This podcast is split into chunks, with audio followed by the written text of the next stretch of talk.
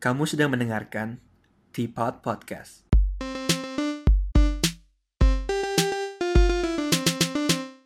Halo, selamat datang di perspektif pertama kita. Judulnya Politik yang Berakibat. protes di Hong Kong dan Indonesia. Ya, jadi buat kalian yang tinggal di Hong Kong, uh, pasti udah pada tahu dong banyak banget apa pro- protes yang Protes. sedang terjadi sehari-hari ini.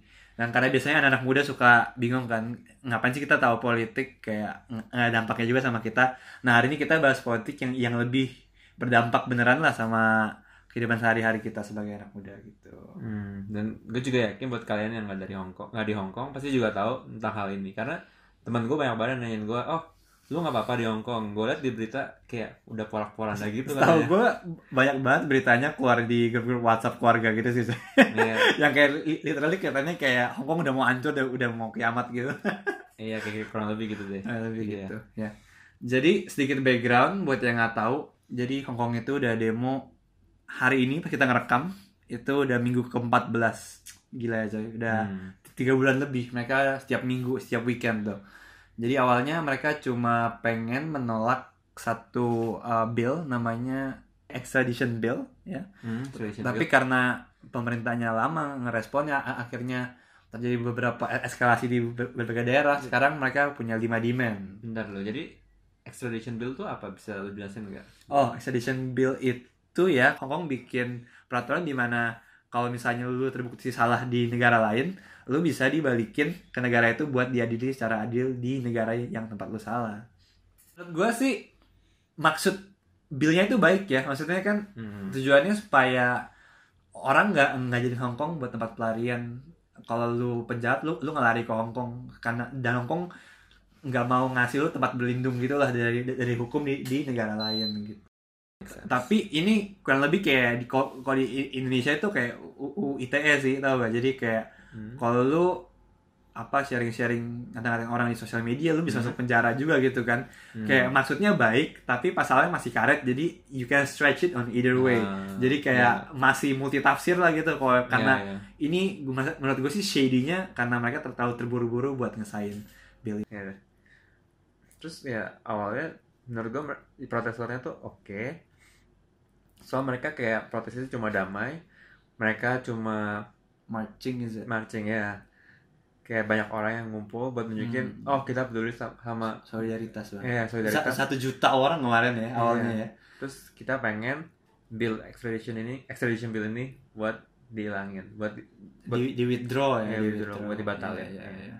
tapi tapi emang Hong Kong terkenal mereka bisa demo secara damai sih kalau di Indonesia kan tuh main serem ya Iya. sekali demo pasti ada langsung takut rusuh Iya. grup WhatsApp udah ribut jangan ke daerah mana jangan ke daerah mana itu kan jadi hal itu lumayan shocking lah buat kita orang-orang Indonesia ya maksudnya kayak Hmm. kita kira cuma negara kita doang yang yang begitu ternyata Iya. bahkan negara sekelas Hong Kong pun kalau mereka pengen something dan belum terpenuhi oleh government mereka bisa aja riot juga gitu Hmm. Terus ya nah karena udah banyak clashing gitu akhirnya sekarang mereka jadi punya five demands bagi yang belum tahu nih yang pertama itu pokoknya tetap sama mereka mau withdraw the, the extradition bill. Yang kedua karena mereka merasa polisi itu menggunakan terlalu banyak kekerasan mereka mau ada independent investigation buat polisinya. Dan juga mereka nggak nggak mau di, dikategoriin sebagai uh, perusuh gitu. Hmm. punya ya pendemo aja gitu Hmm. dan yang keempat mereka mau semua orang yang ditangkap waktu protes di- di- dibebasin lagi dikasih full am- full amnesty sama pemerintah dan yang terakhir mereka uh, mau really push di universal suffrage kalau nggak salah itu sih kayak pokoknya mereka mau milih legislatif Hmm. mereka dan eksekutif mereka itu secara langsung kayak di Indonesia pokoknya democratically ya.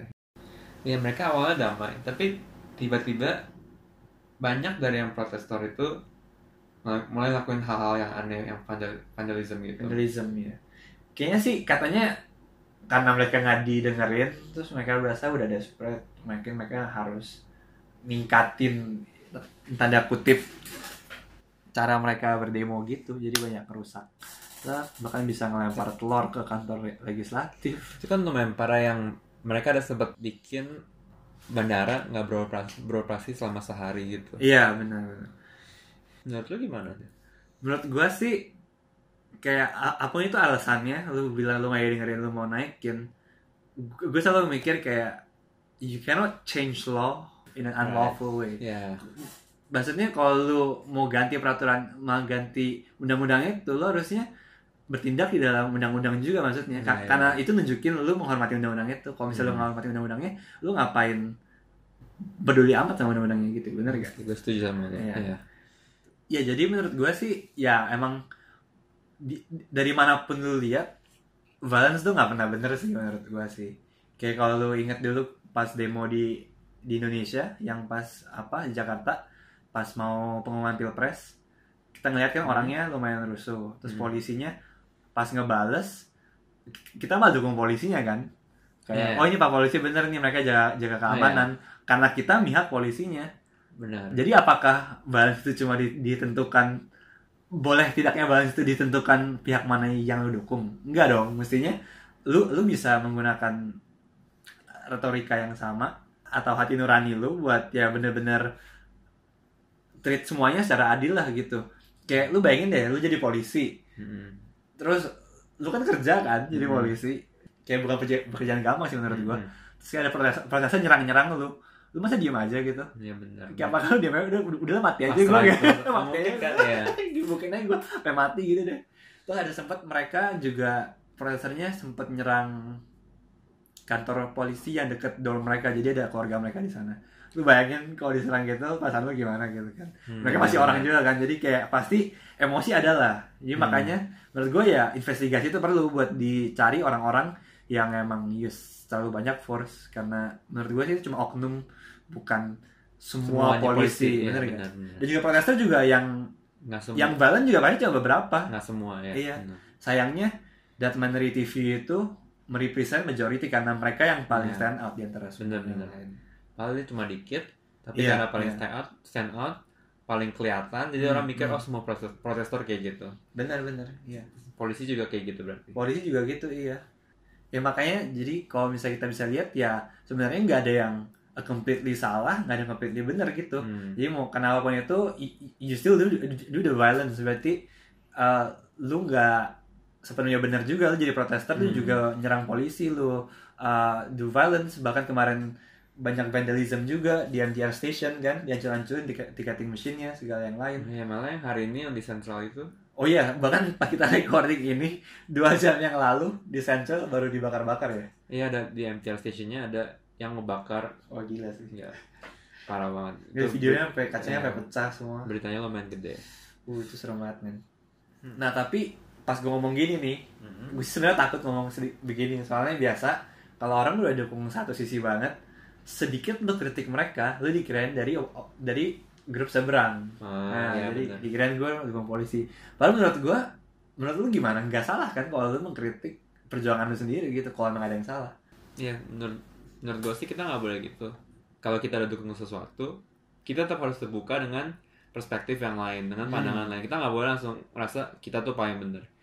benar benar jadi biasanya orang udah kalau udah ke satu sisi lalu ngomong apa aja pasti mereka nggak nggak modal pokoknya mereka ngapainnya pasti salah deh gitu ya Hmm, kan iya. kayak zaman dulu pas pilpres Presiden, juga iya, iya iya, iya. Mau Jokowi atau Prabowo ngakuin kesalahan pendukungnya pasti kayak enggak mereka lebih mereka nggak apa-apa kok mereka baik mereka baik. Apa pokoknya Iya. mereka pasti dibutakan gitu deh jadinya. Kemarin ngomongin soal MTR juga tuh yang dirusak. Gue sih kalau di Indonesia kalau ada yang rusuh terus ngerusakin MRT station gue sih sedih banget sih men. Kayak baru. itu baru banget terus perjuangan kita dapetin MRT itu su- susah banget. Udah 10 tahun kayaknya nggak nggak jadi jadi. Terus di sini mereka udah punya very seamless transportation system di MTR udah lu ke mana aja jauh pun paling Hmm. maksimal setengah jam. Dan gua rasa itu sangat amazing dan tapi mereka I, guess mereka terlalu take it for granted sih. Menurut lu decision MTR buat nutup stationsnya pas lagi ada demo di depannya oke gak? Soalnya be- beberapa orang nih Hmm. mereka bilang katanya oh MJ Station nutup stationnya karena mereka nggak mau dukung kita gitu. Nah tapi sebagai orang kayak Hmm. mikirnya kayak ya karena emang mereka value di dalam MTR station kamera semua dicopotin tiket Hmm. mesin dirusakin baik yang loncat nggak bayar maka masuk ke MTR nggak bayar gitu Hmm. jadi menurut lo di sini tuh tepat gak buat menutup station menurut gue keputusan dia benar soalnya kalau mereka tetap buka makin banyak orang datang dan mungkin makin banyak kerusuhan yang terjadi hmm. terus juga mungkin itu buat mencegah orang-orang lain orang-orang yang bukan protestor takutnya mereka datang terus terlibat dan jadi caught in the fire lah kayak maksudnya Iya. mereka nggak pengen ikut-ikutan tapi ya, terpaksa karena mereka udah di tengah-tengah semua itu ya ya. kayak mereka pengen nutup jalan supaya orang lain nggak bisa ke Iya. TKP lah gitu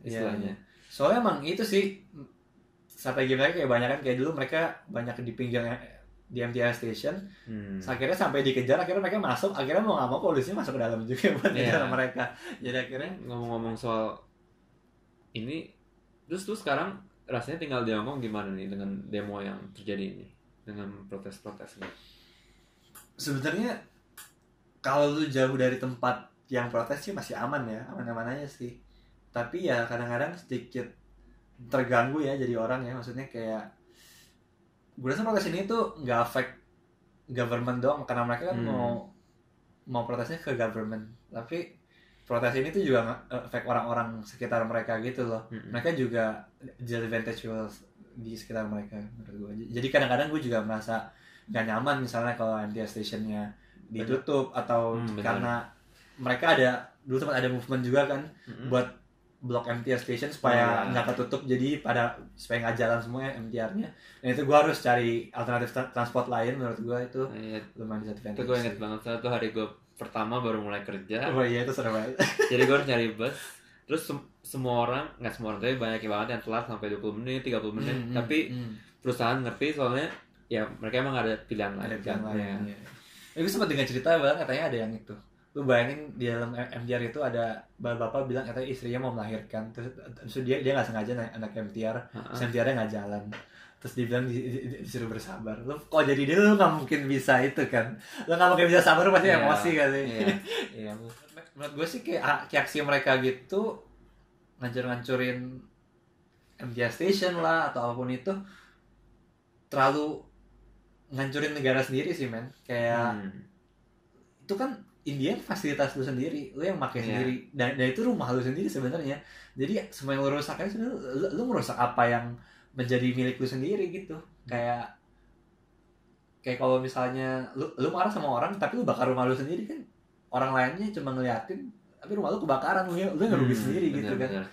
Hmm. Terus beberapa hari lalu bukannya ini extradition bill udah dibatalin ya?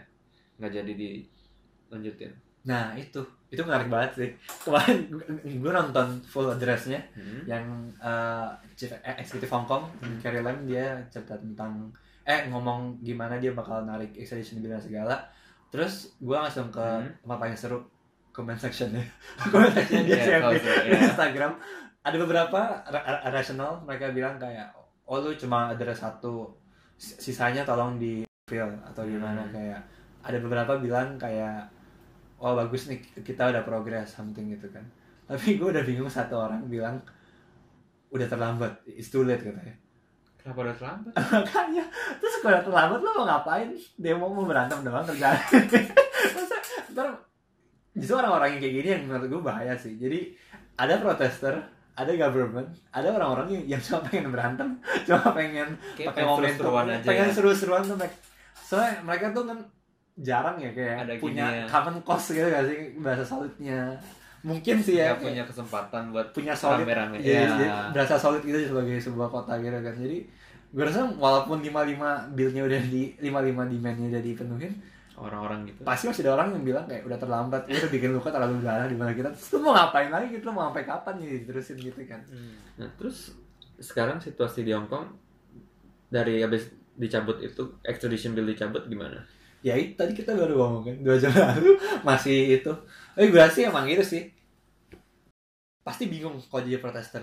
Lu bayangin deh. Lu lagi marah sama orang. Tau orangnya baik lu. Lu pasti pengen marah kan? Lu kayak, Iya. lu kayak mau marah gitu kayak atau atau orang langsung minta maaf.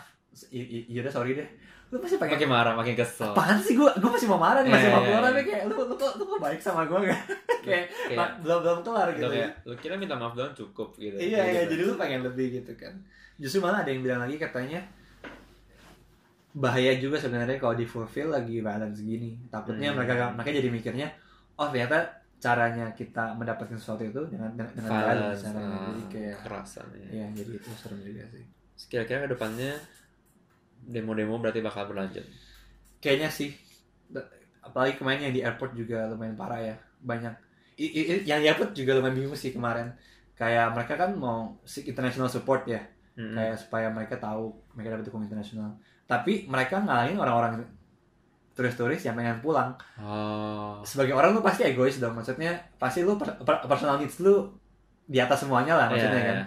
Lu lu pengen pulang terus lu tahan tahanin lu jadi kesel, Kesel, sama ya, benar. lu kan jadi bukannya membuat positif impact itu malah buat negatif impact Jadi Hmm. menurut gua movementnya sendiri gue rasa bagus ya banyak banget orang yang ikut ini Ta- tapi caranya mungkin banyak yang harus di, di, di, dievaluasi menurut gua Hmm. Kayaknya kita udah cukup banyak bahas tentang demo ini yang di Hong Kong sekarang lagi ber- berlangsung. Menurut lu ada poin-poin apa yang bisa kita petik dari sini? Poin-poin apa ya jadi yang pertama pastinya um, dalam politik itu obviously sering kali pasti nggak ada yang 100% benar Hmm? nggak ada 100% salah. Hmm. Jadi lo harus cobalah buka pikiran lo untuk ngelihat dari dua sisi. Karena nggak mungkin semua action itu nggak nggak ada considerationnya apalagi lu dari di government atau jadi protester pun sekalipun. Jadi kita harus lihat dari perspektif yang lain. Benar benar.